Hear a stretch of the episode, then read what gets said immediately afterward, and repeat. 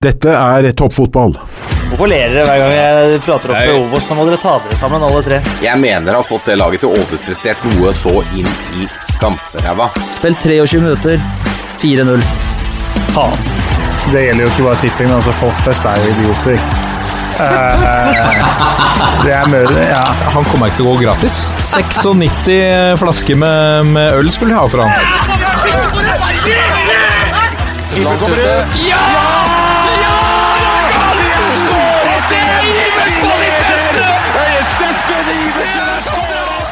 Og der er toppfotball endelig tilbake. Altså, vi har tatt oss, en, eh, tatt oss den friheten da, av en lang, lang sommerferie. Og vi, vi har jo ikke betalt milliarder av kroner for TV-rettigheter til Eliteserien, så vi har jo på en måte ikke noe sånn eh, eh, hva skal jeg si, formelt ansvar for å formidle dette. Det er drevet av vår egen entusiasme, vårt eget engasjement, og noen ganger, da, så er det såkalte hverdagslivet, altså overgangen fra ferie til normalen, kan være litt tøff, og vi trenger litt tid.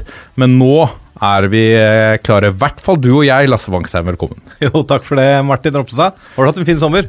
Absolutt. Jeg har hatt en strålende sommer. Tilbrakt eh, rett over svenskegrensa. Venta at det var eh, for så vidt moralsk innafor å reise dit. Det er en sånn en, ja. Ja, eh, reist ned dit. eh, Kjøpt en, en, en liten stuga rett ved Iddefjordsvallen, som er en legendarisk fotballstadion i Krokstrand. Riktig. Verdt å nevne. Åpnet i 1909, bygget på granitt, hele greia. Da ble det spilt en kamp mellom et lokalt lag sammensatt av håndverkere og eh, blikkenslagere og steinhuggere. Møtte Kvikk Halden da til åpningskampen der. Ja, nettopp. Så for de som eh, er Kvikk Halden-fans, tilbake i var det 19, 1938, tror jeg faktisk det var. Banen ble åpna i 1909, og første kamp ble spilt i 38. Nei, jeg tror den ble åpna i 38. Ja, ok. Jeg mener den ble åpna i 38. Ja, ok. Eh, Ja. Fantastisk eh, anlegg nedi der. Ja, ja. Um, hva med deg selv? Jeg har holdt meg i moderlandet. Ja. Nord, En, sør, en såkalt staycation. staycation. Ja. En norsk, norsk ferie i år også, gitt. Fint det, altså. Ja. Vi har jo et nydelig land, så det vi klarer, klarer det.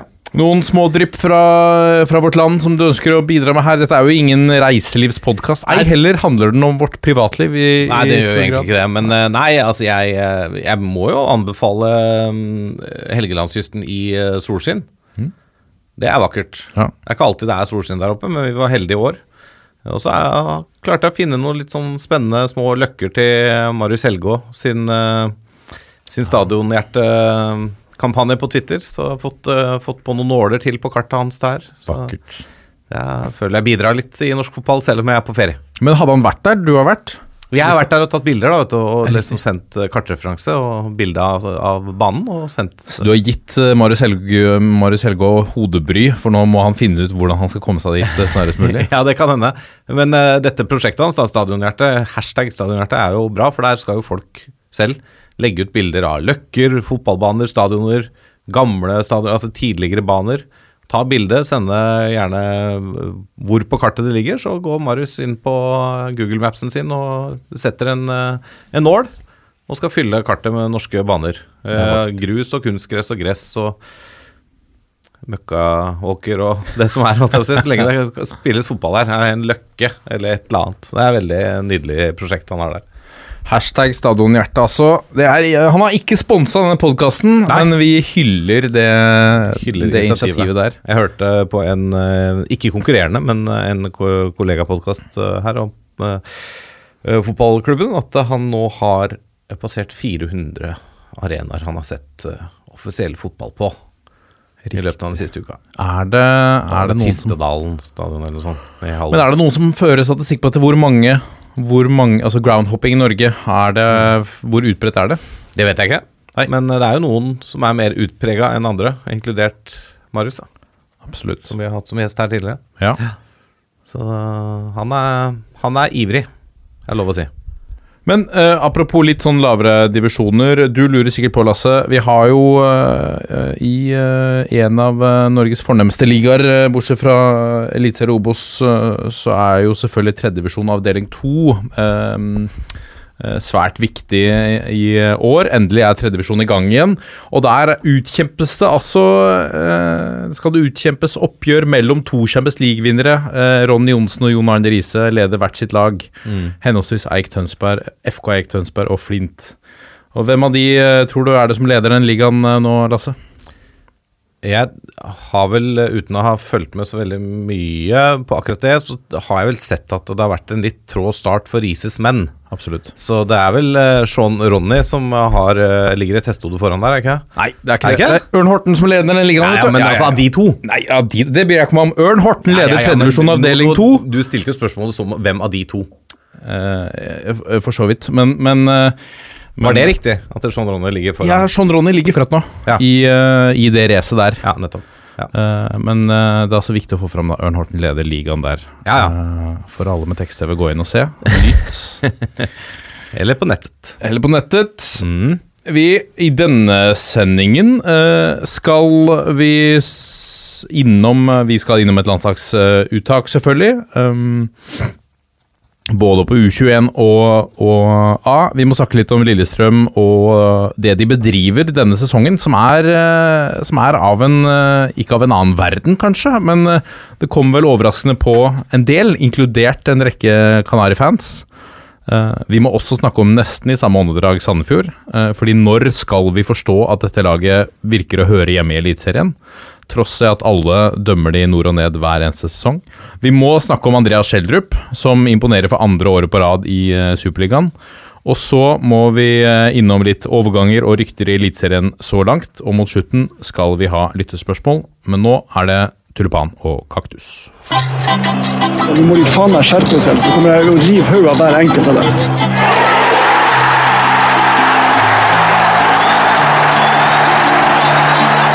Er det klart for ukens tulipan og kaktus ved spaltens president Lasse Wangstein. Jo, takk for det. Um, jeg tror vi begynner med um, en tradisjonsrik eh, kaktus, for det hender jo de får det.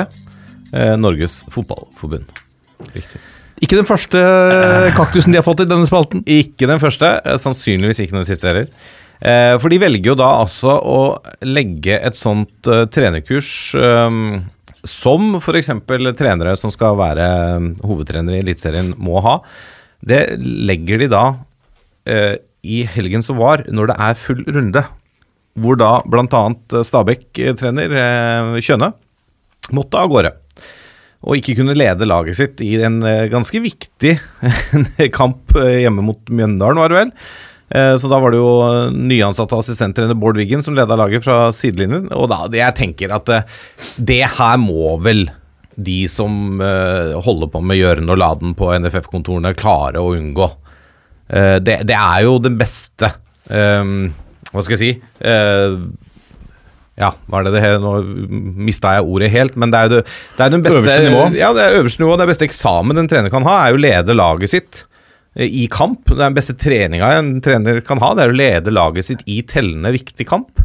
Og så velger de da å legge det sånn at eh, de blir borte, eller han blir borte fra en viktig kamp for laget sitt. Det, det syns jeg er, eh, er litt svakt eh, løst da, av NFF å sende dem opp i skauen for å ha dette trenerkurset. Nå syns jeg jo at Kjønø selv har eh, håndtert dette fint, men eh, Amankwa har vel annet vært ute og mm, slakta det litt, og det er jo på sin plass, det. Å slakte en sånn vurdering, syns jeg, da. Det, Så sier NFF at, eh, at uh, dette har Stabæk visst om lenge, og at uh, Altså, da dette ble sendt ut, så var jo mest sannsynlig Eirik Kjøne bare assistent. sannsynligvis. Um, I tillegg så, så sier de at dette har komplikasjoner for, altså for de ulike ligaene. Så det er Post Nord, det er tredje divisjon, det er mange ulike nivåer her av, av trenere. Men man burde kanskje vurdere det sånn at Ja, det spørs litt hvordan du ser på det. da. I tredje divisjon er man kan kanskje enda mer avhengig av den hovedtreneren, f.eks. Eller i PostNord. Jo da, men kunne man ikke kanskje brukt f.eks. Eh, seriepausen, da, altså når som skal spille landskamper, til sånne kurs? Ja, riktig. Ikke sant? For da skal jo ikke topplaga spille kamper. Og da, ofte så tar jo topplaga seg noen feriedager òg, hvis det er et opphold. Bare sånn at de får noen dager fri. Ja. At de ikke trener seks dager i uka akkurat rundt landskampene. Kunne kombinert med sosial dold inn på Ullevål stadion der. Se ja, match, se kampen kose kanskje. Ikke sant? Være en av de, de få som får slippe inn Ja. på Ullevål. Det hadde vært mulig, da, tenker jeg. Men ja, ja så jeg syns det er litt, eh, litt rart. Det var litt pussig det. Ole Martin også, Nesselquist, vår mann, er jo fraværende her eh, også fordi at han fikk jo svært liten tid til å forberede eh, gårsdagens eh, match mot eh, Ålesund. På tross av det så klarte de jo 0-0 hjemme, må vi si var imponerende. Uh, men han også var uh, Han er jo forsiktig med kritikken av ting, Ole Martin. Ja. Uh, men han også var tydelig på at det er ikke Han hadde nok ikke tid til å være med her i dag. Han hadde nok med å, samle seg. Det var, nok, det var nok hektisk med å sitte og kombinere forberedelser til Ålesund-kamp og, eh, og, og trenerkurs i helga. Ja, jeg tror det. Og jeg tror det er greit han ikke er her, for da hadde jo vi måttet eh, legge på han i kaktusen her, holdt jeg på å si. Det altså, han prioriterte oss foran jobben sin. Ja, for det hadde ikke vært bra. Nei, egentlig ikke. Selv om vi helst vil ha han her, da. Alltid, alltid. Alltid. ehm, en liten sånn minikaktus uh, til uh, rør på fotballbanen som ikke har noe med fotball å gjøre. Eh, I Fredrikstads forrige hjemmekamp så var det eh, en dame utkledd, tror jeg, som brud, som tok avspark. Og holdt på å bli løpt over ende av en spiller. Det sies at det var i forbindelse med en filminnspilling. Kan det være lange, flate baller? Fire, Det er jo godt mulig at det er noe der, da. Men uh, uansett, uh, det er jo Kan vi ikke bruke tida til fotball, da? Hvis jeg får sånn der Reamy Bowl og Og så vil sikkert kritikere da si at ja, men kom igjen. Ja, ja, litt kom igjen, show må vi kunne by på. Men det er liksom litt sånn jeg, jeg skjønner at vi skal ha litt show, at det er underholdningsbransjen og Magnus Carlsen tatt avspark i, i Spania. Ja, han har for så vidt det, altså. Ja. Nei, men det var som sagt minikaktus. Ja. Ja. Så du får ikke ta meg på det. Det var vel en tweet her som sa noe om at, eh, at uh, Som så seg lei på at folk kritiserte nivået i norsk fotball, og så kom dette i tillegg. ja, ikke sant. Det er noe med det. Jeg kan kritisere nivået i La Liga òg. en um, kanskje sjelden uh, blomst Ja. sender vi nordover i landet. Ikke så langt nord vi kommer, men sånn litt sør for midten. eh, Til Trondheim.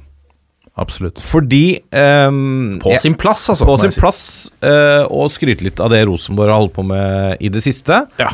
Uh, de har nå fire seire på rad i Eliteserien, har ikke tapt på de siste seks. Og dette begynte jo egentlig da Hareide fortalte omverdenen at han uh, ikke kom til å forlenge kontrakten med Rosenborg.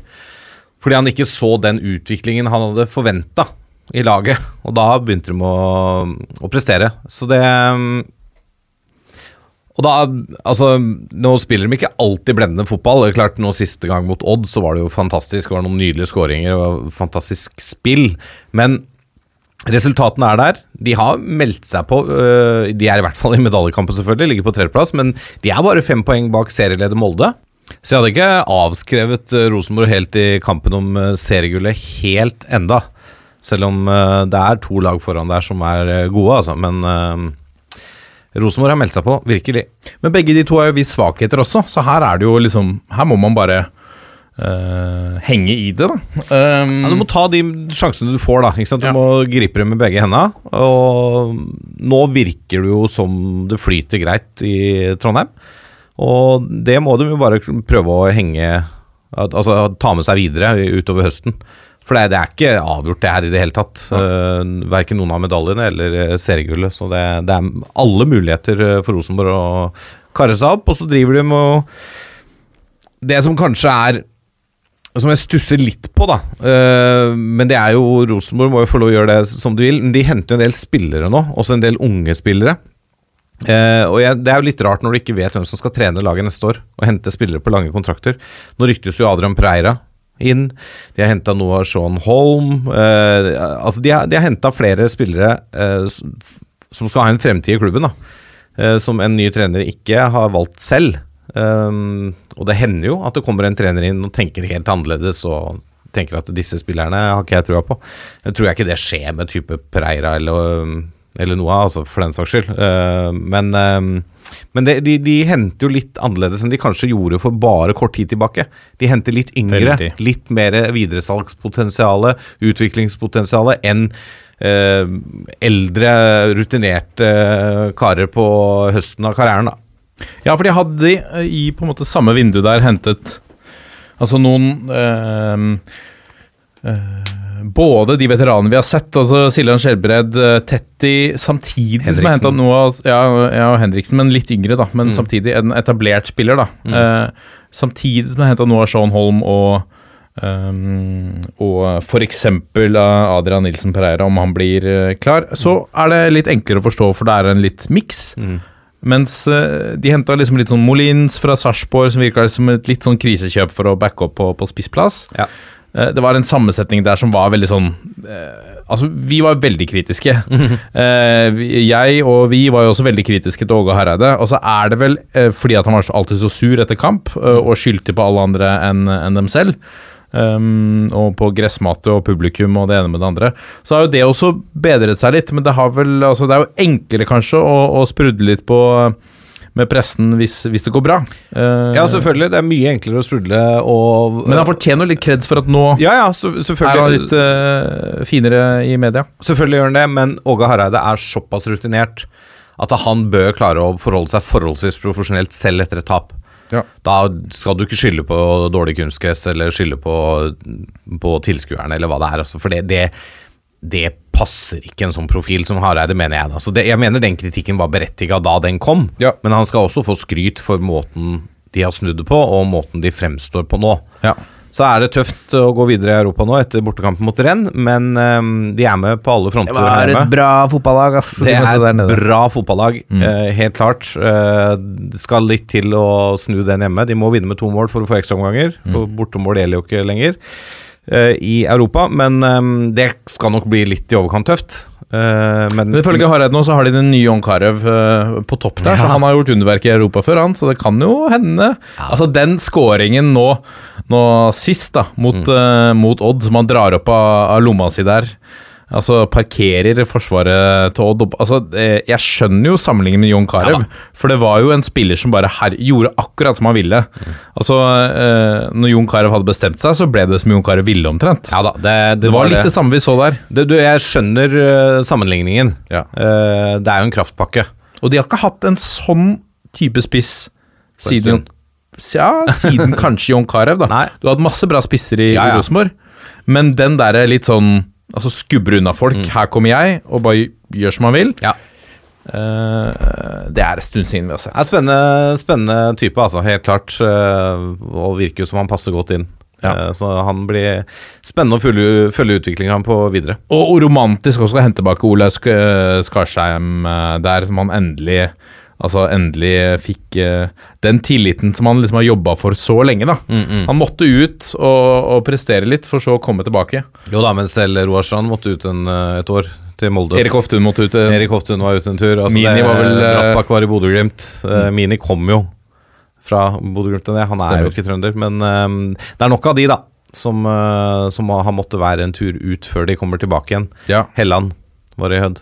Hva tenker du om, eh, om eh, Det er selvfølgelig eh, Jonas Berg Johnsen har en tydelig agenda der når han snakker med Ivar Koteng etter kampen om Kjetil Knutsen. Altså han, eh, Jonas har bestemt seg for å få noe ut av Ivar Koteng. Ja. Eh, og jeg syns, og vi har også kritisert Ivar Koteng før, eh, for hvordan han er med pressen. Jeg syns her også er han ganske sånn åpen eh, og ærlig.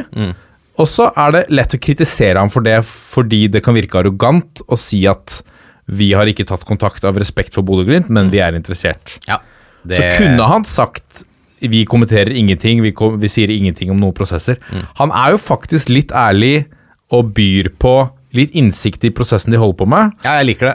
Samtidig så vil noen si at 'hvem er du?' Det så Han fyrer opp eh, Bodø-Glimt-fansen på Twitter Ja. og sier 'hvem er du som tror du skal stikke til Bodø og hente'? Det sier han jo ikke. Det er det Jonas Berg Johnsen som legger opp til. Ja, men nå har jo Bodø-Glimt-fansen eh, vist eh, det siste året etter de ble seriemester, da, at de er jo lette å, um, å, fyre. å fyre opp litt. Ja. De er, du- du skal trå litt varsomt da, før, før de på en måte lar seg fyre opp og henge ved ting lenge. Altså, De er jo fortsatt eh, sure for at folk kritiserte dem for å reise til Spania.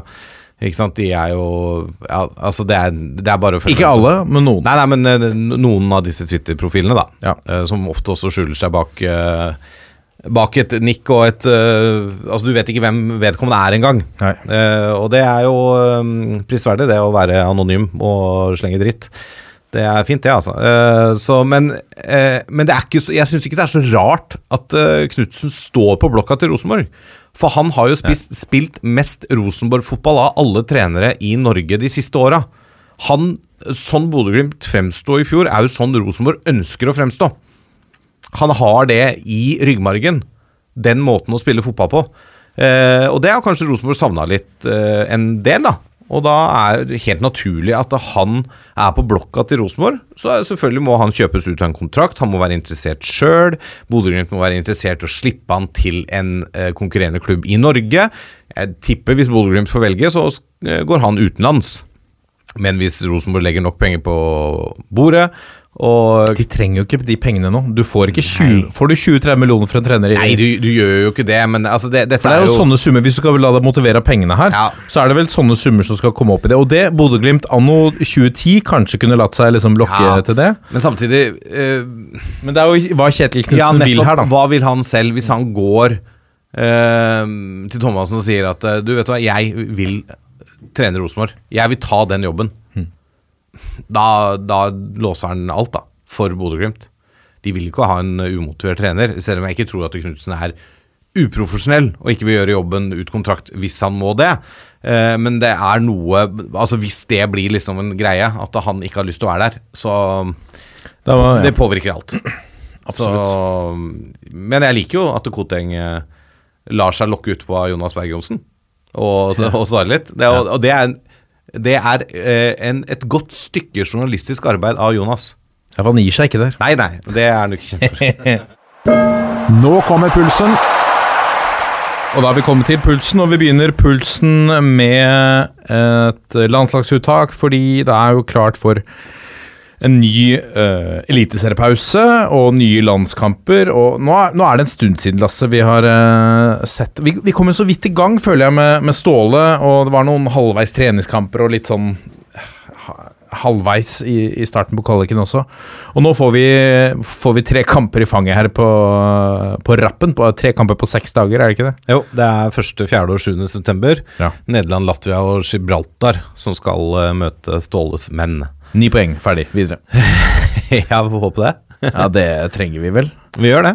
Um, jeg uh, så jo pressekonferansen. Jeg må si før vi går på uttaket igjen, jeg har sagt det før, det er fantastisk befriende å ha en trener, landslagstrener som snakker åpent og bredt om alt. Uh, uh, han svarer det han, det han mener, virker det som. Ganske ærlig om sine meninger både rundt, både rundt covid-håndtering av, av eh, styresmaktene, i tillegg til de ulike spillerne. eh, pakker ikke inn noen ting. eh, svarer kort når folk kommer med forslag. Ja, hva med han og han? Nei, han var ikke aktuell. Eller hva vet du om Omar El-Blawi? Det får jeg ikke si noe om. Nei. Videre. Veldig enkelt, kort og greit, og var jo også tydelig på at eh, eh, han måtte stoppe å beskrive covid-håndteringa fra styresmaktene eh, fordi, sånn at han ikke sa noe han kom til å angre på. Ja. Eh, det sier vel også litt. Han var eh, Han var det nærmeste jeg har sett han sånn um, forbanna i den retningen. ja, han var forbanna uten å hisse seg opp, kan vi vel si. Ja, han var litt sånn passiv-aggressiv. Ja. Ja. Han var, var tydelig. Det var tydelig hva han mente.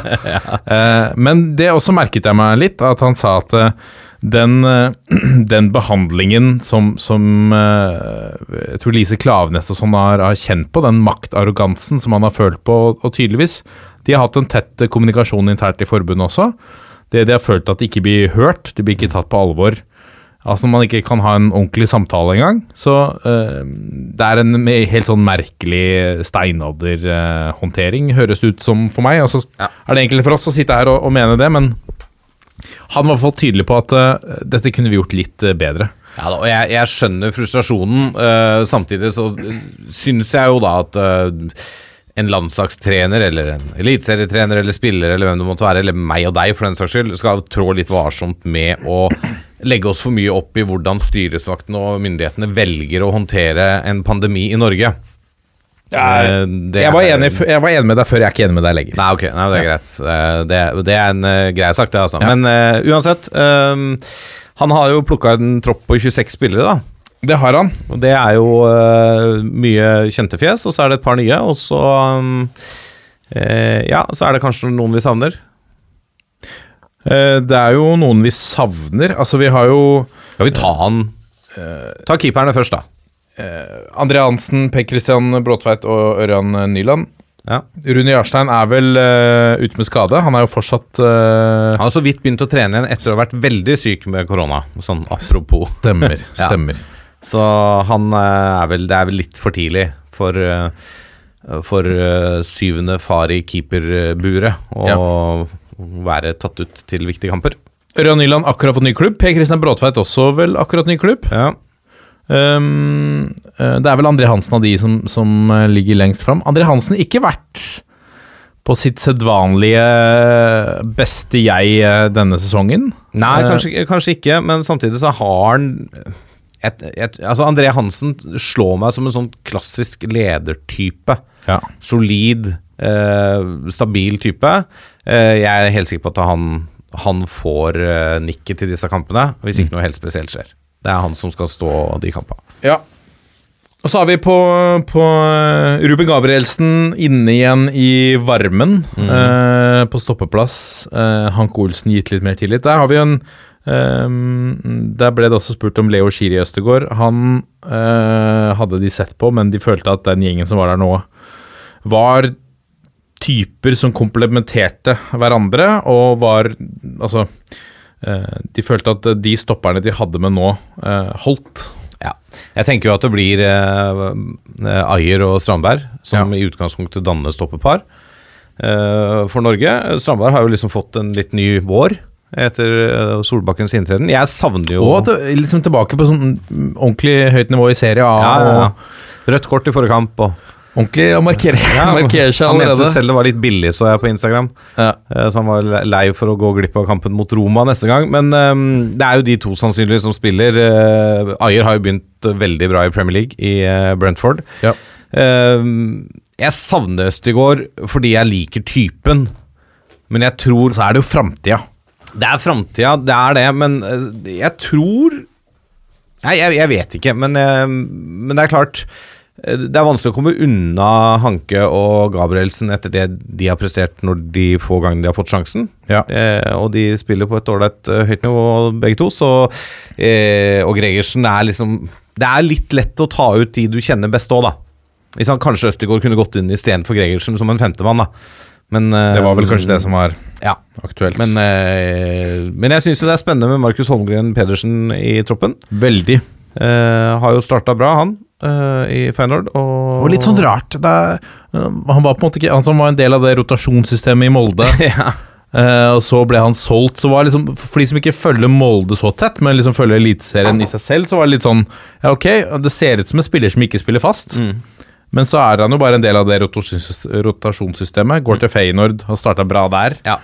Han er jo en, eh, en solid eh, type, da. Meget. Så det er spennende å se. Og høyrebekken syns jeg er litt åpen, da. Veldig. Eh, Med Omar El Abdelawi fortsatt ute etter fyrverkeriskaden på nyttårsaften. Eh, Birger Meling tar vel venstrebekken, men om det blir eh, Ryerson eller Holmgren Pedersen på høyrebekk Det kan jo være bli Fredrik André Bjørkan òg, selvfølgelig. På en av bekkene der. Men Hadde gjerne sett han han har vel mest venstrebekk. Det, det kan du si. ja, så, men jeg skulle gjerne sett han, altså. Men Meling spiller på et høyt nivå, da. Eh, Apropos renn, som eh, var ganske mye bedre enn Rosenborg sist. Der er Meling eh, Han var vel på rundens lag i League Ø her for ikke så lenge siden nå, så han er, han er bra, han. Vi har mye bra spillere mm, i, på bekkene òg, heldigvis. Så er det jo midtbanen, da. Der er det jo Der, der syns jeg det er vanskelig. Vanskelig å plukke ut. Ja, jeg syns det er litt vanskelig, fordi eh, Sander Berge er jo tilbake. Ja. Vært skada mye. Har jo starta nå i championship for Sheffield United. Eh, har vel ikke briljert i de første rundene. Litt, ser litt rusten ut, men du veit jo litt hva du får. Han har bra tempo. Han har en fysisk tilstedeværelse som er bra. Så jeg, jeg tror jo Han er jo framtiden på sentral midt der, så jeg tror jo fort han får lov til å spille landskamp 25 i løpet av det oppholdet. Får han eh, klokka, da? Er det fortsatt klokke? Det er gullklokke. Ja. Er det gullklokka? ja? Jeg tror det er gullklokka, altså. Ja. Ja, ja. Jeg mener det. Det ble 25 Det var jo 50 før. Ja. Lars Bohinen har jo bare 49 Stemmer. etter boikotten mot Frankrike. Så han slapp jo Ja. å få klokke. Ja. Uh, Mats Møller Dæhlie kan også få klokka. 24 kamper. Han kan få klokke. Kristoffer uh, Ayer òg har jo 23, så De nærmer seg. Er, det er jo tre kamper nå, så det er muligheter. Men uh, nei, uh, hva skal jeg si, ja? Eh, Berge og kanskje nordmann på midten, da. Ja, Mats, Mathias Nordmann spiller jo. Ja, og så Ryktes nå til uh, Norwich, var det ikke det? Ja, Eh, noe penger på spill der. det var noe penger hit og dit, fram og tilbake. Uh, veldig spennende. Det, det som er Mathias Nordmann, er Altså det er en for god Det er, en, det er kanskje den beste norske spilleren som vi veit minst om. Ja. Må være. Du blir litt borte i Russland, vet du. Ja, ja. Så få han til Norwich og få folk Så får vi sett den. for. Og så er det klart uh, Morten Thorsby Fantastisk. i Sampdoria ryktes eh, til eh, bedre klubber. Uh, det er jo uh, Drakt nummer to. Han forelska jeg meg forrige uttak nå. Herregud, som han herja på midtbanen der. Han er bra, altså. Så det er, det er vakkert å se. Han også var litt sånn som gjorde, gjorde som han ville litt. Ja. Det var han, De duellene han bestemte seg for, de vant den. Mm. Stort sett. Det var fantastisk å se.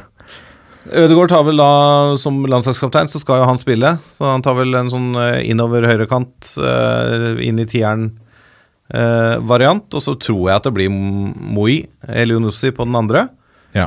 Litt av, I hvert fall mot Nederland, da, sånn erfaringsmessig og sånn. Um, så blir det jo spennende å se om Jens Petter Haug og Dønnum får litt eh, minutter uh, ute på kantene der. Dønnum starta bra i, i Belgia. Ja. Standard Liège. Mm. Sett uh, frisk ut. Altså, han har sett ut som Aron Dønnum. Det er ikke Nei, han har sett ut som Aron Dønnum. Akkurat. Han Starter med en assist i første kampen der, som er sånn klassisk Som var helt Dønnum. fantastisk. Ja, helt nydelig.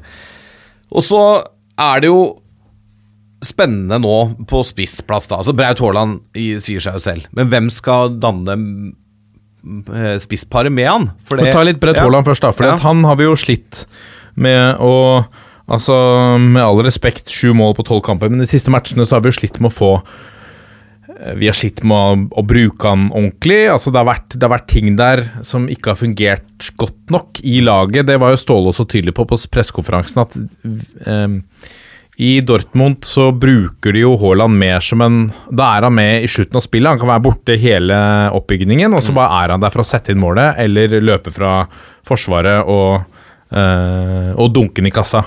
Eh, på, uh, for Norge så må du i en del av spillets faser Du må, uh, du må bidra med litt forskjellige ting som spiss. Ja.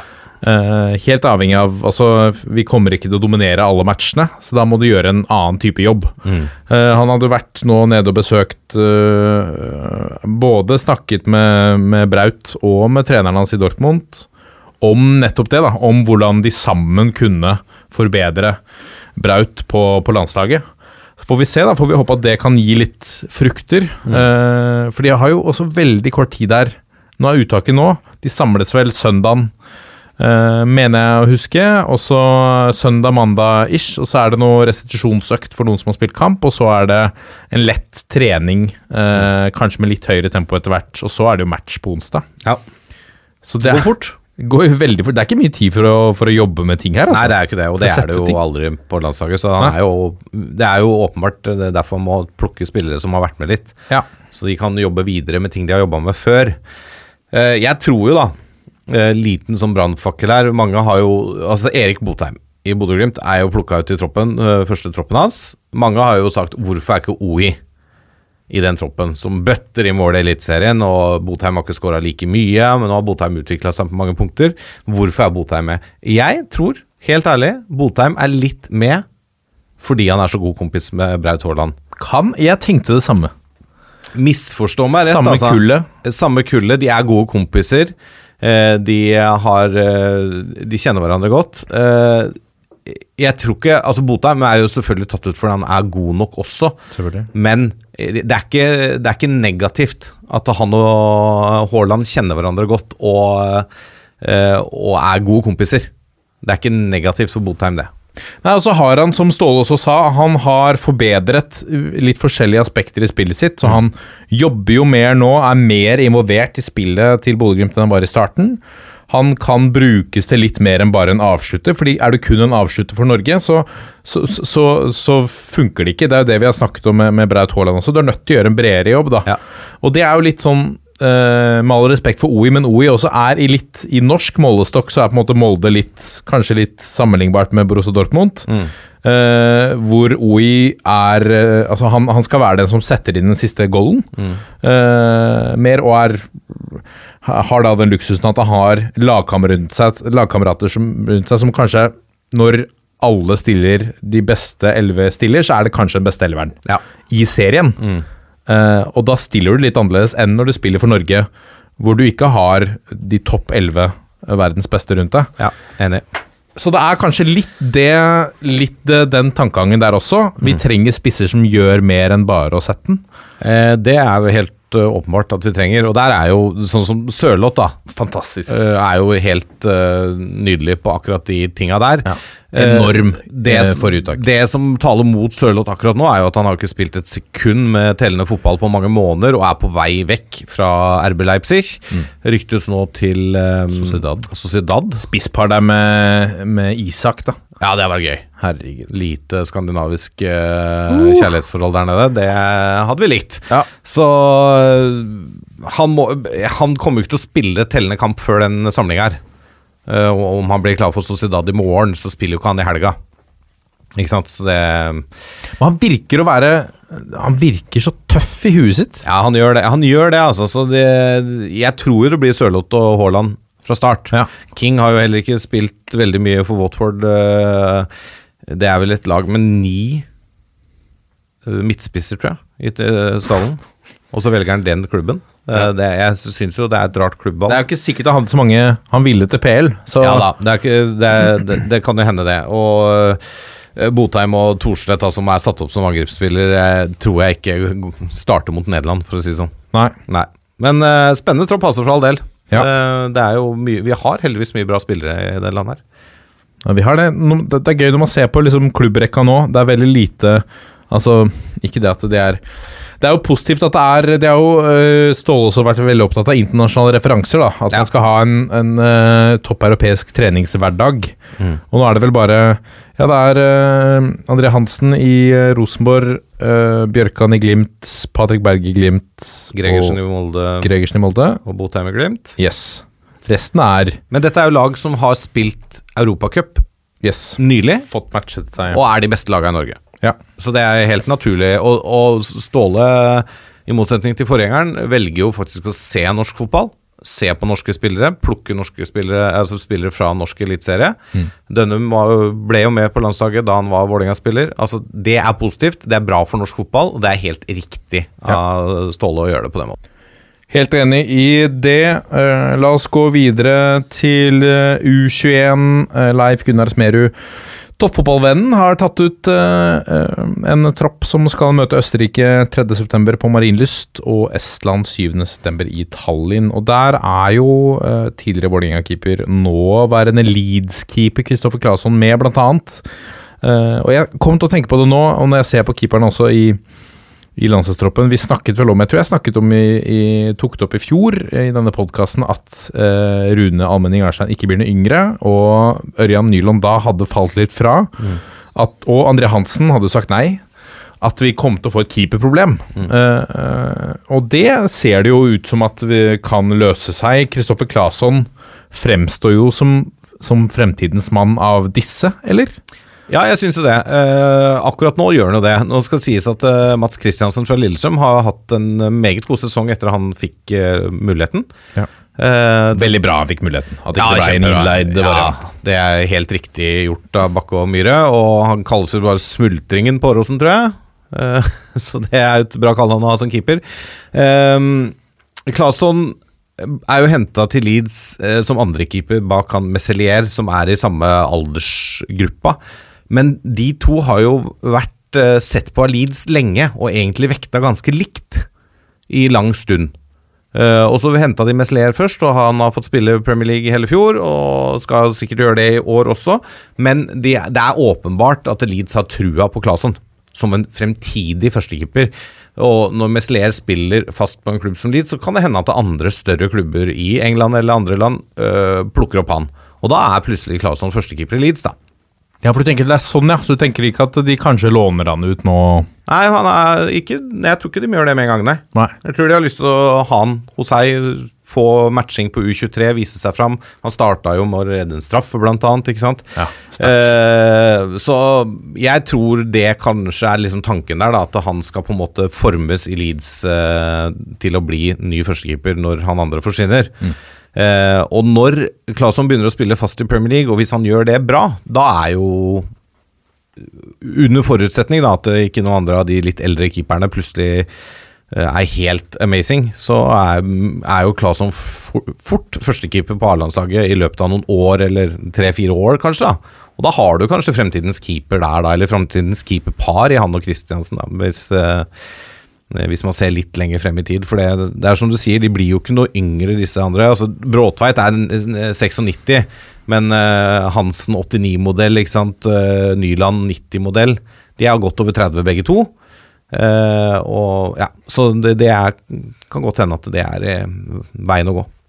Og også uh, spennende å se, og jeg var også veldig glad for Det ryktet, øh, ble jo ryktet at uh, Vålerenga prøvde å leie inn en keeper her og der, eller, uh, og, og fikk ikke napp hos noen keepere. Men uh, det ble jeg litt glad for, for nå syns jeg Kjetil Hauge fortjente den muligheten der. Og han, vi ser jo også på han, han har vært inne på U21 han også, men vi ser jo også på han at han Um, jeg husker at de to bytta litt på å stå, at de var ganske jevne. Det virka som de var ganske jevngode, han og Claesson. Ja, de bytta vel egentlig ikke så mye på heller. Han fikk vel sjansen fordi Claesson fikk rødt kort, og så sto Stemmer. neste kamp.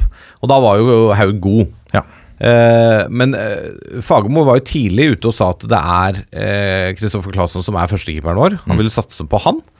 Eh, og så, Det kan man jo ikke ta han på i ettertid, men med den utviklingen Claesson har hatt Selvfølgelig noen sånne juniorfeil her og der, men det er, alle keepere har jo det på et eller annet nivå. Selv eh, solide, erfarne keepere har jo feil. Eh, men det er kanskje lettere å se på en ung du er litt usikker på, da. Eh, Haug, et par år eldre vel, eh, har hatt en litt annen karrierevei, men er jo en solid keeper eh, og får nå sjansen. Og jeg håper jo for Vålerengas del at de fortsetter å gi han den sjansen, kontra å hente en litt sånn halvveis variant utenfra som ingen helt vet hvem er. Det skal være veldig bra, da, mener jeg, for Vålerengas del, hvis de skal hente en keeper som går foran Haug nå. Det er, Ja. min, det er min mening. La oss hoppe tilbake til U21. Um, der har vi også etter hvert ganske kjente navn som har markert seg også i Eliteserien spesielt. Også denne sesongen. Vi har, altså Kolskogen hadde en veldig god forrige sesong for Brann. Nå har han jo eh, sammen med resten der oppe hatt, et, eh, hatt en tøff sesong. Men sånn som vi har jo en del av de virkelige gjennombruddene her, som jeg vil si. da Henrik Heggheim, Sebastian Sebulonsen. Uh, Haldor Stenevik, ja, Sivert Mannsverk har vi jo snakket Har jo Kjernås snakka om siden han var fire år, uh, omtrent. Uh, men det er jo en del av de gutta som, som virkelig har tatt steget opp og markert seg i Eliteserien i år. Ja, Heggheim, da, hvis vi tar han først, så syns jeg han markerte seg enda mer i fjor. Ja, det Har kanskje ikke vært like solid i år, men allikevel helt greit å ha med han på U21-landslaget. Eh, Det er sikkert litt her også med å på en måte ha med folk som har vært med litt før, og Kontinuitet. kjenne kontinuiteten der. Sebulonsen, som ble leid ut til Mjøndalen i tre uker før han ble henta hjem igjen, og liksom leverer bra i Viking nå. Det er jo en gøy historie i seg selv. Um, og så er det jo Mannsark, som du sier, da, som har blitt Ikke hausa, men han har fått mye skryt, med rette. Eh, ung kaptein i Sogndal, gjort det bra i Obos, henta til Molde og gjort det greit der òg. Men han har jo ikke Jeg syns ikke han har vist like mye av det man kunne forvente, men det er ny klubb, det er nye omgivelser. Han er gamle gutten, altså. Han er ikke gamle gutten, så det er helt greit at han ikke har levert på topp. Jeg forventa mye større ustabilitet og Ja, ja. varierende er prestasjoner enn vi har sett. Han er jo en altså. solid type, det er jo ikke noe 100 tvil om. Eh, og så er ikke sant, det er jo kanskje det navnet som skiller seg ut mest her da, i den troppen, er jo selvfølgelig Andreas Schjelderup fra Nord-Sjælland. Ja, 17-åringen. Denne 17-åringen altså, som har, var den yngste noensinne som skåra to mål i, eh, i Superligaen i Danmark. Ja, det, tror- det tror jeg det var. Nå står han med tre mål på seks kamper denne sesongen. Ja, og da hadde noen mål i fjor òg, vel. Det er helt riktig. Uh, og han var i hvert fall den yngste som hadde skåra to mål i samme kamp uh, på det nivået i Danmark. Uh, og er jo en, det er jo en spennende type som Han gikk jo lenge litt under radaren her, blant liksom med, Altså Kjernås selvfølgelig, og hans, hans gjeng hadde sikkert fulgt med på han òg, siden han var 13, akkurat som Nordsjælland. Men, men eh, jeg ble oppmerksom på han i, i, egentlig da han kom dit og begynte å spille bra der, så er det jo ikke umiddelbart at norsk presse er alltid like flink til å plukke opp plukke opp eh, sånne ting og videreformidle. Nå har de vært bedre på det, eh, men min danske nabo fortalte til meg altså, kom over og sa 'for fan, men! Schjelderup!' Og jeg visste ikke hvem han snakket opp engang. Og han rev seg i håret. Bare, hvordan kan du ikke forstå Nei. hvem det er? Altså, han, er, han kommer til å bli Martin Ødegaard, sa han. Ja, Dere er så heldige som har han. ja. Um, Det er jo en eh, Det er jo en gøy historie, da, med, med denne 17-åringen som nå er på U21 nå, ikke sant. Og det, er, det viser jo igjen, det er du god nok, så er du gammel nok, altså. ja. Og det sier jo Smerud òg. Ja, han er ung, men han har vist såpass mye at vi vil se en, ta han i nærmere øyesyn og gi han muligheten her da, på, på U21-landslaget. Så det, det er jo spennende. Og så selvfølgelig Noah Holm og Emil, Emil Konradsen Seid fra Rosenborg må jo med, syns jeg. Eh, Det er helt åpenbart. Altså Den skåringa til Seid mot Odd nå Herregud. Fantastisk. Altså- ja, men både han og Noah Holm. Ja, ja, jo da, men altså den eh, til Seid Volleyen der. Åh, det er eh, Det er kunst. Det er, det er kunst, og apropos kunst, Jørgen Strand Larsens siste scoring Herregud. for Grønningen. Ja, han happa rundt der. Happer rundt inn i feltet der og dunker den inn. Altså, det er, altså, det, det ser jo så lett ut.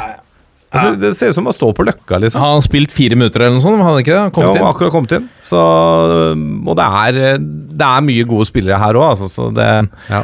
Men, men uh, litt tilbake til Schjelderup, da. Kom som uh, Nordsjælland eh, altså etter hvert blitt fantastiske på scouting i Skandinavia. Er, eh, er eh, virkelig blant de bedre klubbene på det. Oppdaget talentene nylig.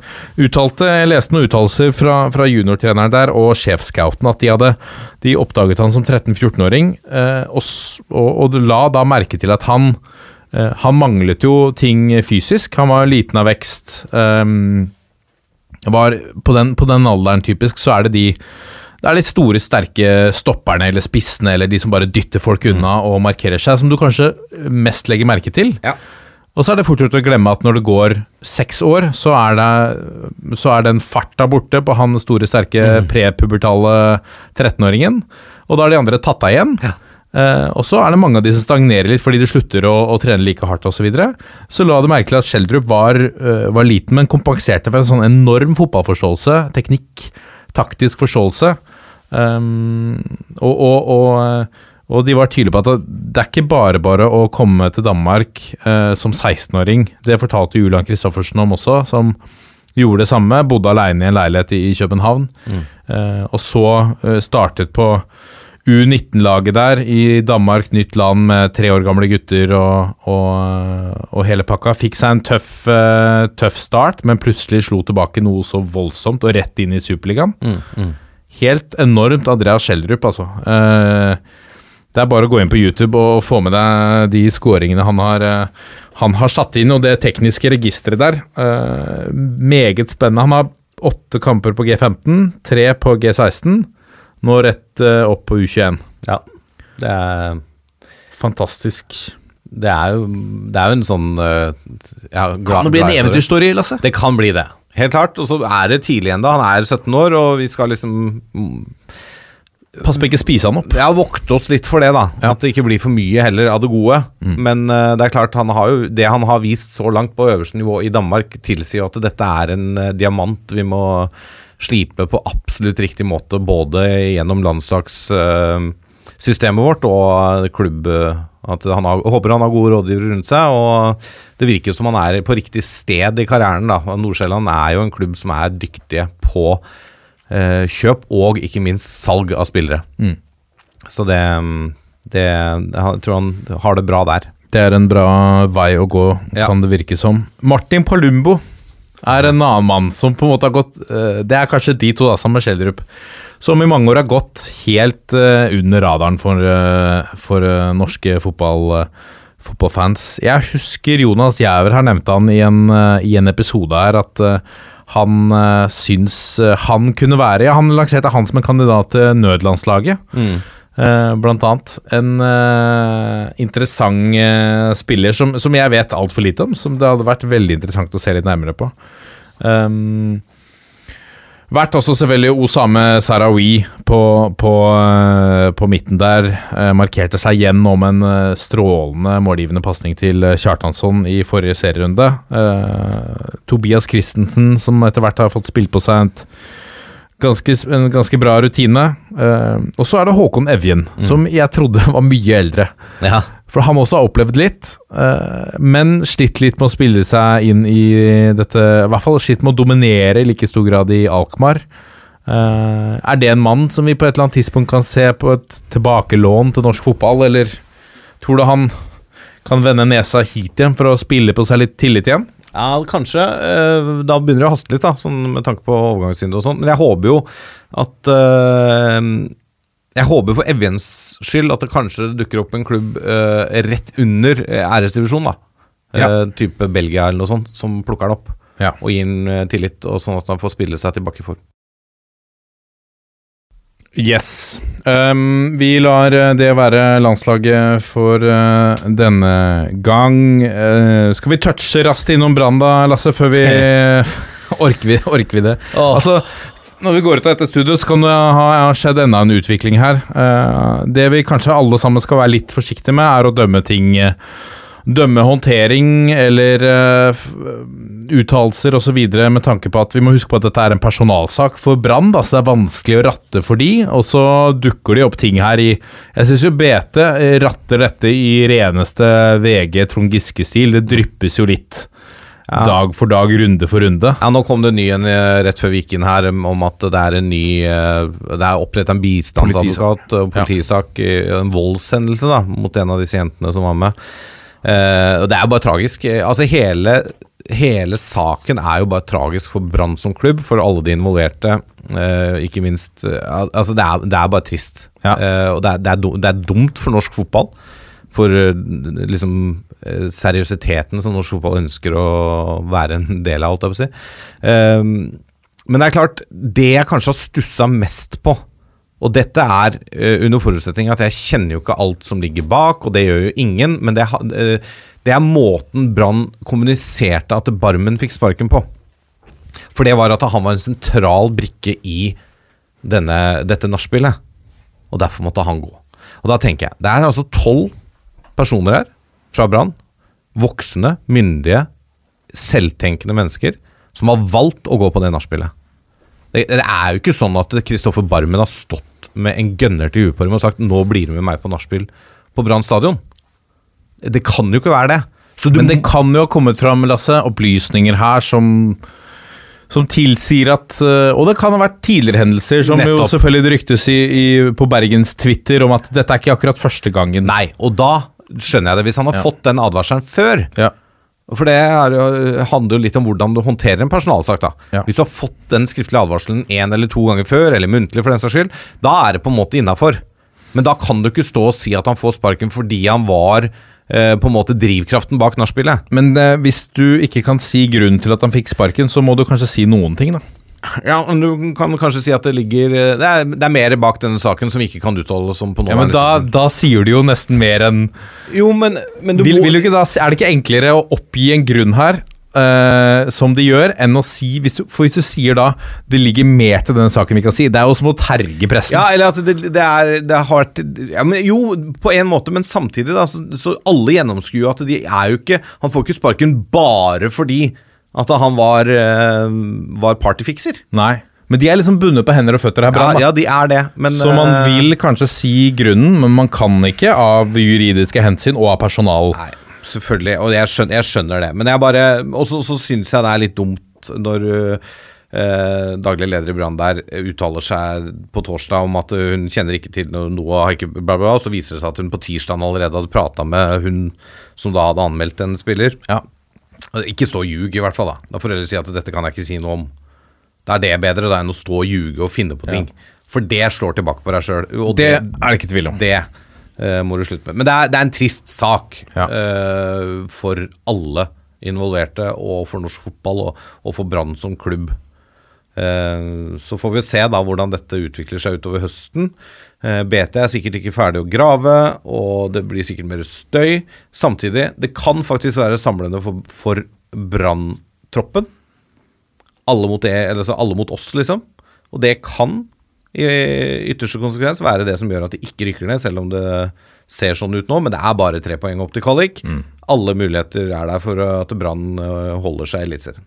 Og er det én mann som har stått stødig i dette. Eirik Hornland, Ja, gud bedre. Altså, Altså, for jeg- en umulig oppgave. Men altså, det, det, vi må jo hylle mannen både for måten han sto på i Rosenborg, og Ja, ja. måten han står på nå. Altså, han virker jo gjennomsolid. Ja. Litt sånn traust og i, i manges øyne gammeldags, kaste pulsbelter og alt sånt. Men likevel, ja. Det er bare å hylle mannen for måten han har Solid stått fyr. på. Ja, veldig solid. En slags sånn oppreisning for han nå, da. For han har jo fått litt sånn juling, som du sier. da Han har fått litt sånn Nesten blitt litt sånn Du starter karrieren i Rosenborg med at alle veit at du ikke var førstevalget. Du var kanskje fjerdevalget. latterliggjort. Ja, ikke sant? Og, og, og så fått litt sånn den respekten tilbake for han, at han er en, eh, en ordentlig fyr, da. Ja, han er det. Så det, nei, det Virkelig. bra mann. Bra mann. Burde nesten hatt en uh, tulipan, han uh, Wangstad. Burde nesten hatt det. Men uh, ikke den gangen her, gitt. Nei. Det var litt gammel sak òg. Den har jo holdt på et par uker nå, så Den uh, lever, den, den lever jo for så vidt, den. Ja. Vi eh, går videre da til eh, noe eh, langt mer positivt, fordi vi må snakke om Lillestrøm. Uh, Må vi? Denne vi, må, vi, vi kommer ikke unna det. Nei, vi kan, kommer ikke unna. 2021, altså den sesongen Vi, vi vet jo Kanarifansens uh, natur er jo å være pessimister, selvfølgelig. Eh, de er eh, men, men det var vel få, inkludert eh, altså alle landets eksperter, som kunne forutse Kanskje selv ikke Geir Bakke og, og gjengen på Åråsen kunne forutse det som har skjedd denne sesongen. Så er det på mange måter at eh, det har jo ligget det, Dette er jo få ut makspotensial av en rekke spillere som er der fra før, som holder kvalitet. Thomas Lene Olsen, f.eks., som endelig nå eh, får sitt litt sånn gjennombrudd uh, på uh, Ja. Hvert fall å score det antallet mål som han holder på med nå, da. Det 12, tempoet. mål på 16 kamper, da. Det er jo et slags gjennombrudd som en toppskårerkandidat. Det er solid, det, altså. Det er ikke noe å Det- si på det. Nei, altså det er, det, må, jo bare hylle det de har holdt på med på Rosen her. Går du ett år tilbake i tid, eller liksom 14 måneder tilbake i tid, da, så trodde du jo at uh, de skulle ikke klare å rykke opp igjen til Eliteserien. Og så er det jo, er det jo den sedvanlige pessimismen på Åråsen rundt i miljøet der. eh, og så har de De har vært imponerende. Og så gjør de det litt på sin måte, og så tar de litt hensyn. Altså, eh, ja, de leda 2-0 på Intility mot uh, Vålerenga, men de lå jo bare og forsvarte seg og satsa på kontringer. Men det var måten de måtte gjøre det på for å få med seg et resultat, og all ære til de for at de da gjør det. Og får med seg det resultatet, selv om det sikkert var bittert å miste den 2-0-ledelsen. Men altså, Lillestrøm har sluppet inn 18 mål. Det er kun Glimt som har sluppet inn færre mål i Eliteserien eh, etter 16 runder. Eh, det er solid. Og så har da Lene Olsen skåra 12 av 24 mål for, for den klubben. Eh, og har nå, ikke sant eh, På de siste ti så har de, eh, har de fem seire, fire uavgjort og et tap. Det er solid. Er med i medaljekampen, er eh, av poeng med Rosenborg på tredjeplass. Er i, er i Det er trøkk i dem, altså. Så det, Kan det holde helt inn, da? Ja, det kan det selvfølgelig. Hvor, hvorfor kan ikke det holde inn? Er stallen bred nok og god nok? Det virker jo som de, disse spillerne vokser for hver dag som går. Uh, I rollene sine, disse unge spillerne. Altså de, de løftes fram av et fantastisk hjemmepublikum. De løftes fram av et miljø rundt som er bra. Uh, spesielt når det går bra, men som også har den der galgenhumoren, da. Den der, det kan ikke gå alt det der øh, kjøret der. Eh, så, og så- og så virker det som en veldig sånn sammensveisa klubb og gjeng akkurat nå. Veldig. Eh, og det fra utsiden. Og det, mm, det er en klar fordel for Lillestrøm. Og jeg ser ikke noen grunn til at de ikke skal være med og kjempe om topp fire da, i årets sesong. De ligger jo der nå, to poeng foran KBK på femte. Så selvfølgelig kan de eh, holde helt ut. Det, det tror jeg på. Og så må det være et av årets, øh, må vi kunne si, øyeblikk når Gjermund Aasen skårer mot uh, Rosenborg der på, på Åråsen. Skåra Helland i samme kamp, eller husker Ja jeg? Helland skåra og ble skada. De to skåra som blei på en måte skyfla ut kjøkkenveien fra, fra Lerkendal stadion som uh, for dårlige. Uh, Gjermund Aasen var vel knapt nok god nok til å spille en rekkeryttkamp, var det ikke noe sånn? Nei, han skulle, han, de trodde han kunne gjøre en god jobb for Rosenborg 2. Ja, Ikke sant? Det er hyggelig beskjed å få med seg, da. Det er uh, Ja, vi har jo gitt litt tulipan til Rosenborg eh, tidligere der, men det er jo Når du ser hvordan Altså, det, det, det var jo et, Hvert fotballhjerte må jo kunne glede seg over det lille eventyret der, og den hevden. Eh, Av, var for øvrig Aasen som hadde assisten på Helland sin skåring. da. Riktig. Etter 12, og så ble Helland skada etter 20. Ja. Og så skåra Aasen etter 90, da. Det er jo helt amazing. Det er, nei, det er gøy for Lillestrøm. Og flere, og det er jo liksom Du ser på Erik Botheim nå også, ble skyfla ut fra Rosenborg, ikke Ja. god nok. Eh, det er jo noe litt rart som har foregått, og så vet vi jo ikke, men eh, Nei, men altså, jeg, jeg tror ikke Botheim hadde hatt den sesongen han har hatt i Rosenborg heller, da. Eh, og det handler jo også om at de ikke hadde troa på han, hadde gitt den opp litt. Og så handler det kanskje litt om at Bodø-Glimt ikke fikk kjøpt ny spiss. Ja, for han var jo egentlig ikke det Han var ikke førstevalget. førstevalget. Nei. Men så blei det det, da. Og så er det bra. Ja. Og da må jeg jo også nevne, altså eh, Når du nevner Bodø-Glimt, da. Bare i sånn kjapp forlengelsen, Pellegrino inn, inn der. Ja, Eh. Tre mål i første kamp mot KBK. Ikke én typisk Pellegrino-skåring hvor han skjærer inn fra kanten og køler den i lengste fra 16. Det er liksom to tap-ins og en straffe. Eh, men allikevel man har begynt å score mål med en gang. Eh, altså, ja, altså han, han kler jo å spille eh, Bodø-Glimt-fotball, da. Postmatch-intervju der, uh, for spørsmål om hva skjedde nå. Mm. Og han sa nei, jeg begynte å spille fotball igjen. Ja. Tre kasser, rett inn. Det er Det er eh, magisk å ha han tilbake. Det er bare å gratulere. Målkongen. Ja. Snittet, det målsnittet der, det fortsetter det gjør det. inn i evigheten. Vi må ta Vi må ta en annen prestasjon som Fordi nå har vi for Hvor mange år er det på rad? Dømt eh, Sandefjord nord og ned. Marti Sifientes har gjort underverker med det laget år etter år. Uh, senest i fjor hvor vi hyllet han uh, høyt, og vi slaktet avgjørelsen om å sende han på dør. Uh, og vi tenkte at nå er det i hvert fall slutt. Fordi nå har de de dårligste forutsetningene. Det var kutt i budsjetter, kutt i spillelønninger. Ja. Det var en sånn dobbel trenerløsning som i hvert fall ikke vi hadde noe tro, tro på. Eh, og så går de hen og så, og så gjør de sånn som de gjør nå. De henter spillere. Det virker som det er tanke bak. Du ser en, en, en av uh, Eliteseriens aller beste spillere, må vi kunne si, så langt i år. Vidar Ari Jonsson, som har, uh, har virkelig levert. Det var vrakgods i Brann som de henta dit på, til, til Sandefjord. Um, og de spiller god fotball, tidvis kjører over motstandere. ja. Eh, hva er det som foregår uh, nedi hvalfanget min der, uh, Nei, det er, må jo være noe i mm, hvalkjøtt da, som er bra. et Ja, ikke sant? eh, Proteiner. Proteiner. Nei, altså det er kanskje litt dårlig timing å prate om det nå med to over og en- ett tap på de tre siste. Kan du si. Uh, men likevel, de er godt foran nedrykksstriden som vi tippa dem inn i. Altså er, de har 21 poeng, de er 8 poeng foran kvaliken. Uh, da ligger du ganske godt eh, plassert på tabellen, da. Og det er imponerende. Selvfølgelig er det det. De, de får altså den der gjengen der til å jobbe for hverandre og som en enhet. Uten å ha liksom de helt enorme eh, superspillerne. Men det er bare sånn jevnt godt maskineri som ruller og går. Og, nei, jeg er imponert over hva Ødegaard og gjengen eh, får til der nede. Eh, virkelig. Og det er bare å eh, strekke henda i været og si eh, at vi tok feil, da. Igjen. ja. Uh, og så Jeg tror ikke de rykker ned nå. Uh, så lover jeg at neste år så skal jeg ikke tippe Sandefjord uh, i bunnen. Altså på nedrykksplass. Jeg lover her og nå at jeg ikke skal gjøre det. Spennende. Hvis ikke, så skal du gå Altså Tilbake til bilen. Ja, riktig. Ja, men- ja men eh, vi er nødt til den, syns jeg også. Eh, eh, Mats Håkenstad har vært bra henta tilbake eh, igjen. Eh, en av de som, som virkelig også har skint for meg, som jeg syns er fantastisk å følge med på, er Bryce Wembangomo. Ja, ja. Eh, herregud, for en underholdende forsvarsspiller. Ja, det er det.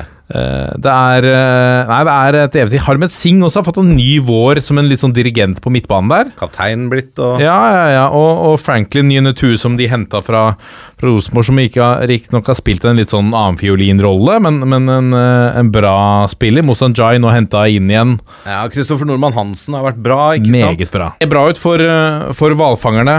Og målet der, er jo, målet der er jo å holde seg, rett og slett. Så, så om de kan gå klar av nedrykksstriden når det nærmer seg, og, og slippe å være innblanda i to siste rundene. Jo, men da er det syv poeng bak uh, topp fire. Ja. Eller bronseplassen. Ja. Hvorfor kan de ikke si at jeg vet hva, nå, nå ser vi oppover, da? Ja, ja du kan jo, man kan jo si det. Jeg mener Selv om det er mange lag imellom, da. Altså, det må være lov Hvis det laget klarer topp seks, så er de årets trenere. Ja, ja.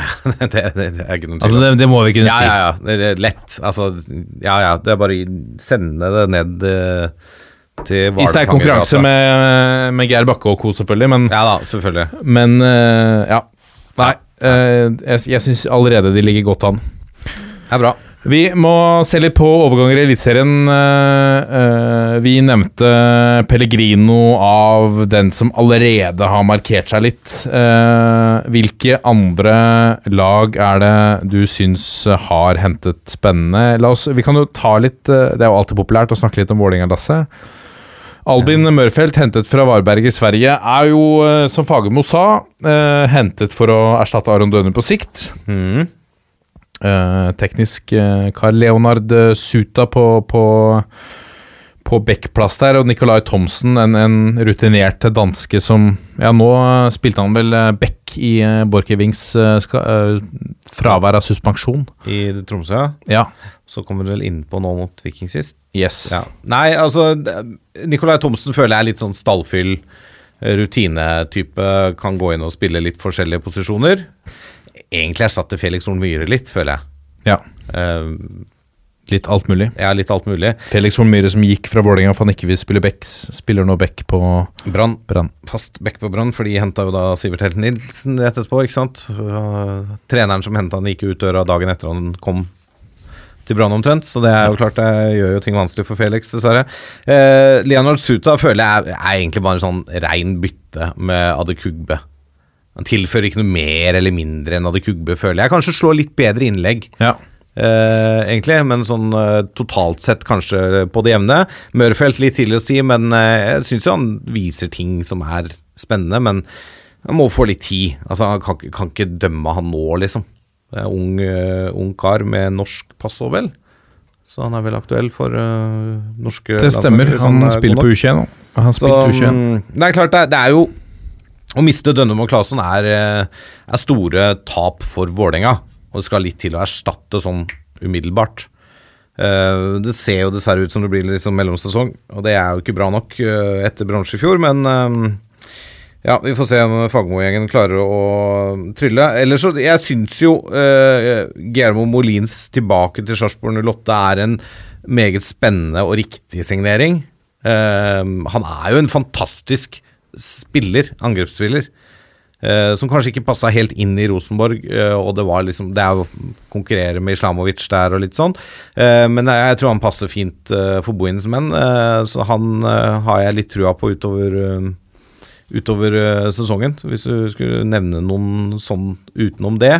Ja. Eh, og, og så er det jo klart kom, eh, Jeg syns det er vanskelig å komme unna Martin Linnes til Molde, da. Den er ganske sterk. Nå ble han ikke tatt ut på landslaget nå, men uh, han har vært ganske fast på det norske landslaget de siste åra. Eh, og jeg liksom henta fra Galatasaray i Tyrkia. han Hvis du ser på de tre som de har henta, da. Uh, Rafik Seknini fra Fiorentina, Martin Linnes fra Galatasaray og, og Sivert Mannsverk som, Mannsverk som Sikkert eh, ganske mye europeiske klubber også som har ligget uh, i løypa der. Eh, det er ganske solid arbeid av eh, Men litt sånne andre takter. da Tidligere så har de på en måte hentet sånne mannsverker Ja, og bygget i, og så henter de litt mer rutine nå i Linnes og Seknini ja. for å kompensere litt der. Og så gikk jo, måtte de jo på en eller annen måte også eh, Ja, eh, Sivert Manns, Mannsverk gikk jo rett inn og erstattet Fredrik Aursnes, egentlig, som gikk Ja. til Feyenoord. Gjorde det. Um, nei, jeg, sy syns Molde har hatt et bra vindu. Jeg syns Rosenborg har et bra vindu, ikke sant. Eh, spesielt da med Noah Sean Holm, uh, som allerede har vist seg fram ganske bra. Skarsheim er en mann som du kan stole på. Som gjør jobben, ikke Ja. sant. Uh, Julian Fagerlund gir den der keeperbredden. Uh, gjort det bra i HamKam. Eh, og Pavle Vagic er jo en spiller som veldig mange har sikla etter, og som ble henta for bra med penger òg, da. Som eh, jeg har trua på, rett og slett. Så jeg syns også Rosenborg har gjort, eh, gjort et bra vindu inn, da. Moses Mava til eh, Kristiansund også får uh, tillit da, som, som ren spiss. De har jo vist seg å være gode på å eh, å, hente, hente kanter fra, fra Strømsgodset og rendyrke de i eh, litt gode roller. Ja, bare at i Pellegrino så var det vel omvendt. For han var vel egentlig mest spiss i godset, så ble han dytta ut på kanten. Han fikk jo en litt friere rolle i Kristiansund. Og gjorde det jo greit der. Han er jo altså en venstrekant med høyrebein. Er jo Pellegrino klart best på. Ja. Må jo selvfølgelig også nevne Haugesund, da, ikke sant? som henter Martin Samuelsen fra Høll og henter hjem Alexander Søderlund, så da kan du begynne å rope på tribunen i, i Haugesund igjen. Spela til Alex!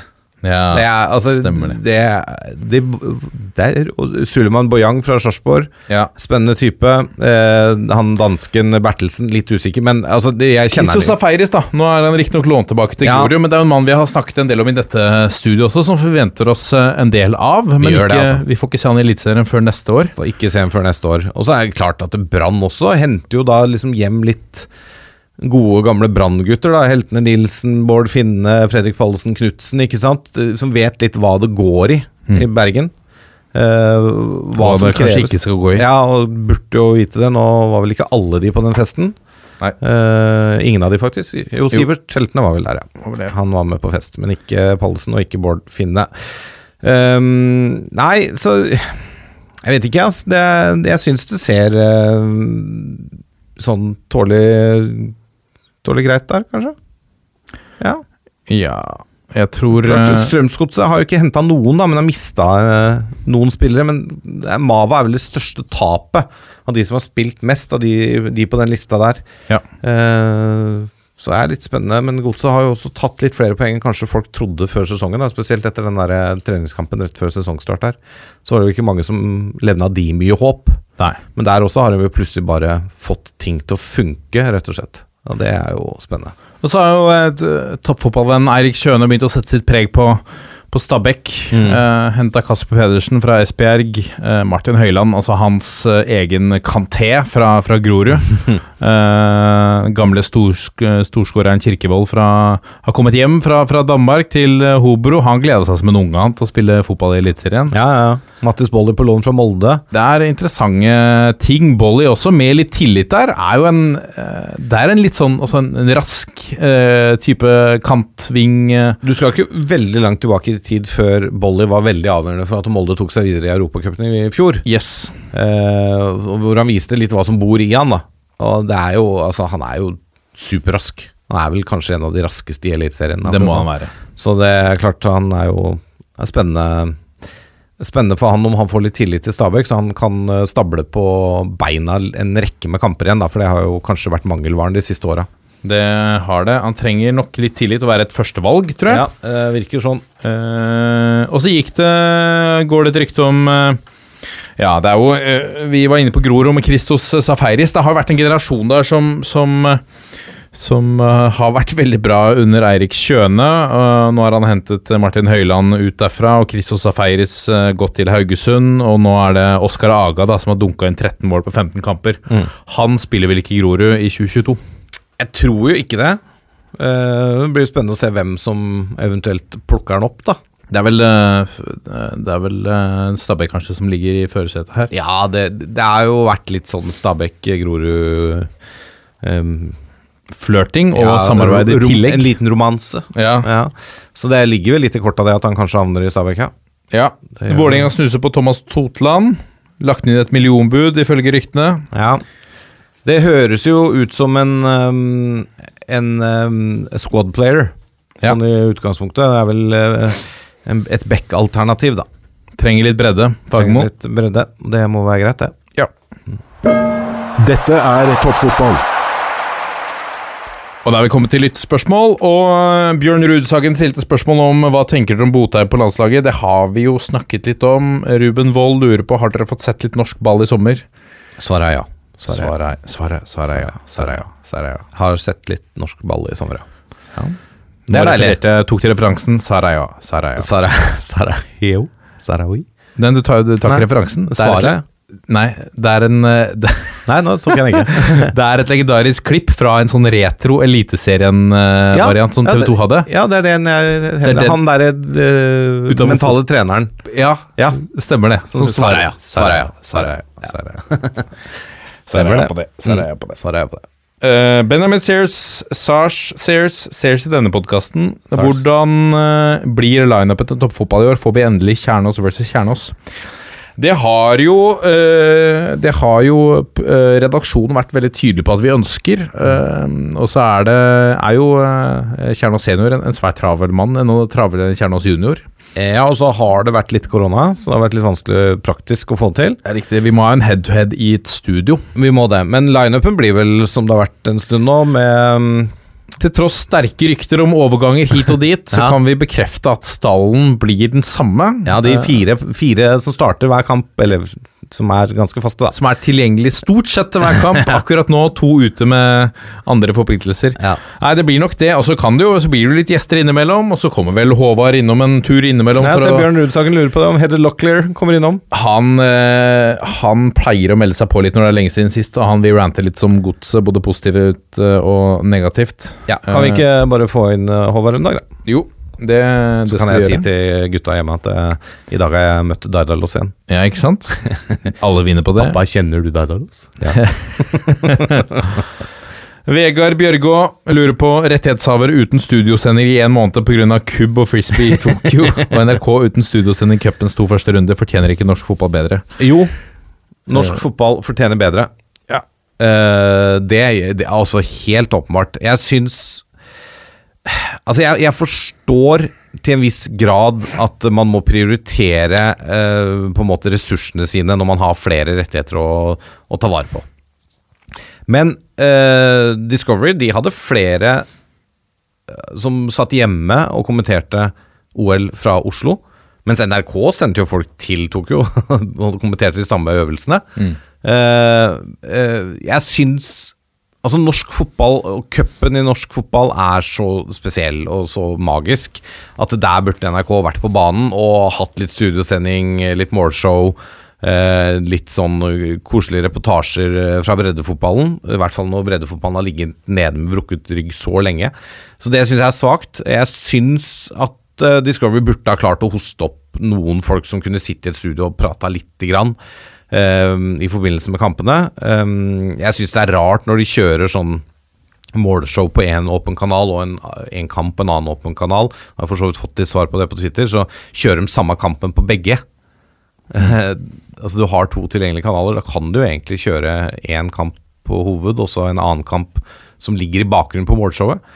Eh, og så syns jeg de kunne gitt seg litt mer flid i disse studiosendingene. Da den der første runden og etter OL så var det vel en halvtime, og da var det først et kvarter fra Brann stadion med nystemten og uh, kjempestemning fordi at de slo Sandefjord i uh, Brann der, og så var det bare høydepunkter bang, bang, bang, bang, bang fra de andre kampene. Nesten ikke noe intervju, ingenting. Eh, det syns jeg blir litt lite.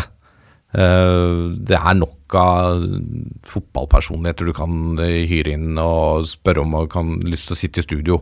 Så har de sikkert et eller annet eh, programledertalent de kunne brukt i de timene det tar, da. Ja. Mener jeg, da. Når Ja. du først har rettigheten har betalt mye for de. Eh, men jeg skjønner også at det er en prioritering. Jeg personlig syns prioriteringen er feil.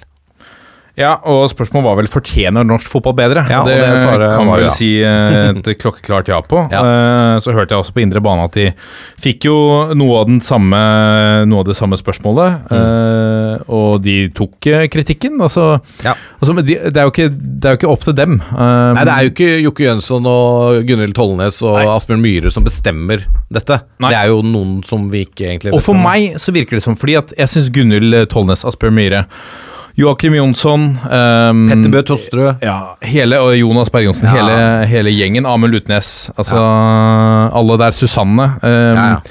Wergeland. eh, Vegard Vågbø. Ja, det er, Det er de er mange, da. Og de, de, jeg syns de har vært veldig gode. Og, de, Mm. eh, og, og de, de, de gir veldig mye til sendingen. Og det er en grunn til at man, man savner sendingene. Det er fordi det er bra produkt. Det er, Ja, det, er bra ting. det. De, det må de faktisk ta som et kompliment. Yes. Fordi at veldig mange var jo skeptiske til Discovery da TV2 mista rettighetene. Ja. Men jeg syns Discovery med tid har håndtert disse rettighetene på en fantastisk måte. Ja. Ja, så har de ikke den nyhetssiden sin som TV 2 har, hvor de kan fylle på, men allikevel, jeg syns de har håndtert dette bra. De er dyktige profiler som presenterer norsk fotball, og som brenner for norsk fotball, og som er engasjert i norsk fotball. Og da blir savnet større òg, når det blir borte. Og det er, det er der kanskje mye av kritikken ligger, at man savner det, og det må de faktisk ta som et kompliment, Ja. at vi har savna det. Ja. Ja. Og det virker litt som noen ganger at de er litt få folk, Ja. rett og slett. Og da får de Jeg sier ikke at de skal ansette nye folk, men det jeg sier er at de får ta til seg den eh, skryten faktisk som det er, og så får de gønne på nå resten av sesongen, sånn at eh, de går ut med fanene høyt hevet. Absolutt. Absolutt. Um, vi går videre til uh, Ole Kristian Sandvik, som uh, lurer på Fagermos taktiske valg. Han syns han litt for ofte bytter uh, for seint, at det tidligere gjør feil bytter. Jatta inn for Ørn Kjartansson fremfor Henrik Udal f.eks. Er troppen for tynn til at han kan gjøre taktiske valg som endrer kampbildet, eller er han ikke god nok på dette selv? Jeg er ganske freidig om du svarer det siste der, Lasse. Eh, ja, jeg, har, jeg kan jo bare si at Øyvind Herrebrøden fra VG Han svarer jo at problemet med det byttet var at det viste seg å bli en kamp for Udal, men da innbyttet skjedde, så det ut som en kamp for Jatta. Eh, plutselig hadde Vålerenga ballen mer og masse innleggsmuligheter i perioden ca. 70 til Vikings 1-1-mål. Det er jo riktig. Ja. Ikke sant? Altså, jeg tenker jo Fagermo gjør en vurdering der ut ifra hvordan kampen ser ut der og da. Ja. Så kan du si at det er feil. Men ja, troppen er litt for tynn til å gjøre de store taktiske endringene underveis for å snu et kampbilde eller låse av en kamp eller sånne ting. Og det har vært litt Vålerengas problem i det siste. Det må skåre nok mål til å avgjøre kamper til sin fordel, eller eh, altså en sånn typisk kamp hjemme mot Viking nå sist, den skal vinnes når du leder 1-0 eh, til langt ut i eh, 80-minutteren. Ja. Eh, I hvert fall på hjemmebane. Eh, Så der har han litt å jobbe med, men det- har nok litt med mangel på bredde i troppen, og kanskje også, som jeg har sagt før, jeg savner jo fortsatt litt disse ledertypene, altså disse drittsekkene på banen, sånn som Viking har da, ikke sant. Og det er bare positivt. Jeg hadde altså. Aron Dønum, da. Jo da, men ikke sånn, Tripic, uh, Ja. Berisha, eh, Kristoffer Løkberg, Joe Bell Sivert Heltene. Sivert Heltene i Brann, ikke sant. Men altså, Viking har jo masse sånne. Um, eh, han um, Austbø i mål der, nå spilte ikke han nå, men altså, han også er en sånn Han legger seg ned for ingenting og er kjefter og smeller. Altså, er, du trenger litt sånne typer, altså. Ja. De sånn ufyselige møkkaspillere, holdt jeg på å si, som er litt drittsekker. Og det er positivt ment, for det mener jeg hver fotballklubb trenger. Ja. For å på en måte ta det litt, litt siste steget, da. Nei, absolutt. Ehm, la oss, Før vi runder av, så kommer jeg på at vi må jo ønske Bjarne Berntsen selvfølgelig til, tilbake til toppfotballen. Altså, Vi trodde vi hadde takket farvel med, med den gamle dinosauren, men det viser seg at det er, hans tjenester er fortsatt ønsket. og Etter tolv dager var det vel, som daglig leder i Bryne, så, så gikk ferden videre til uh, Sandnes Ulf uh, som hovedtrener der. Eh, Og det er Altså jeg skjedde har fort. Det skjedde, det skjedde veldig fort. Jeg, han er jo en taktiker. Han er, greit, han er jo en gentleman. Han er politiker. Ja, veldig. Han var ute i pressen og sa at uh, 'jeg vil dit', jeg regner med de klubbene ordner opp i dette. da, da, da driver du god lobby for deg selv. Ja da, han er jo god på det. Så- Nei, veldig bra. Det er gøy å ha Bjarne tilbake. Um, og, og det kan jo hende han da er mannen som for Sandnes Ulf har på en måte, etter de var oppe, så har de slitt med å, å finne ut av det igjen for å, for å komme seg opp på dette nivået. Nå har de ny stadion. Det er, eh, det er jo for så vidt en, en ganske sånn ung, spennende tropp også. Så få maks ut av det og blande seg inn i toppen der, det må han kunne klare. Det må han få til. Og så må vi ønske god bedring til Christian Gauseth, som har tr- tråkka på en spiker. Ja. Derfor spilte ikke han sist. Det er kløneskade, altså. Christian. Helt oppi det, Christian, sammen med Thomas Myhre, som mista en parfyme på foten, var det ikke det? Var ikke det Canizares? Var det Canizares? jeg tror hver gang vi snakker om det, så sier jeg det var Myhre, og du sier det var Canizares. Jeg tror det. Jeg tror det var en spansk keeper, i hvert fall.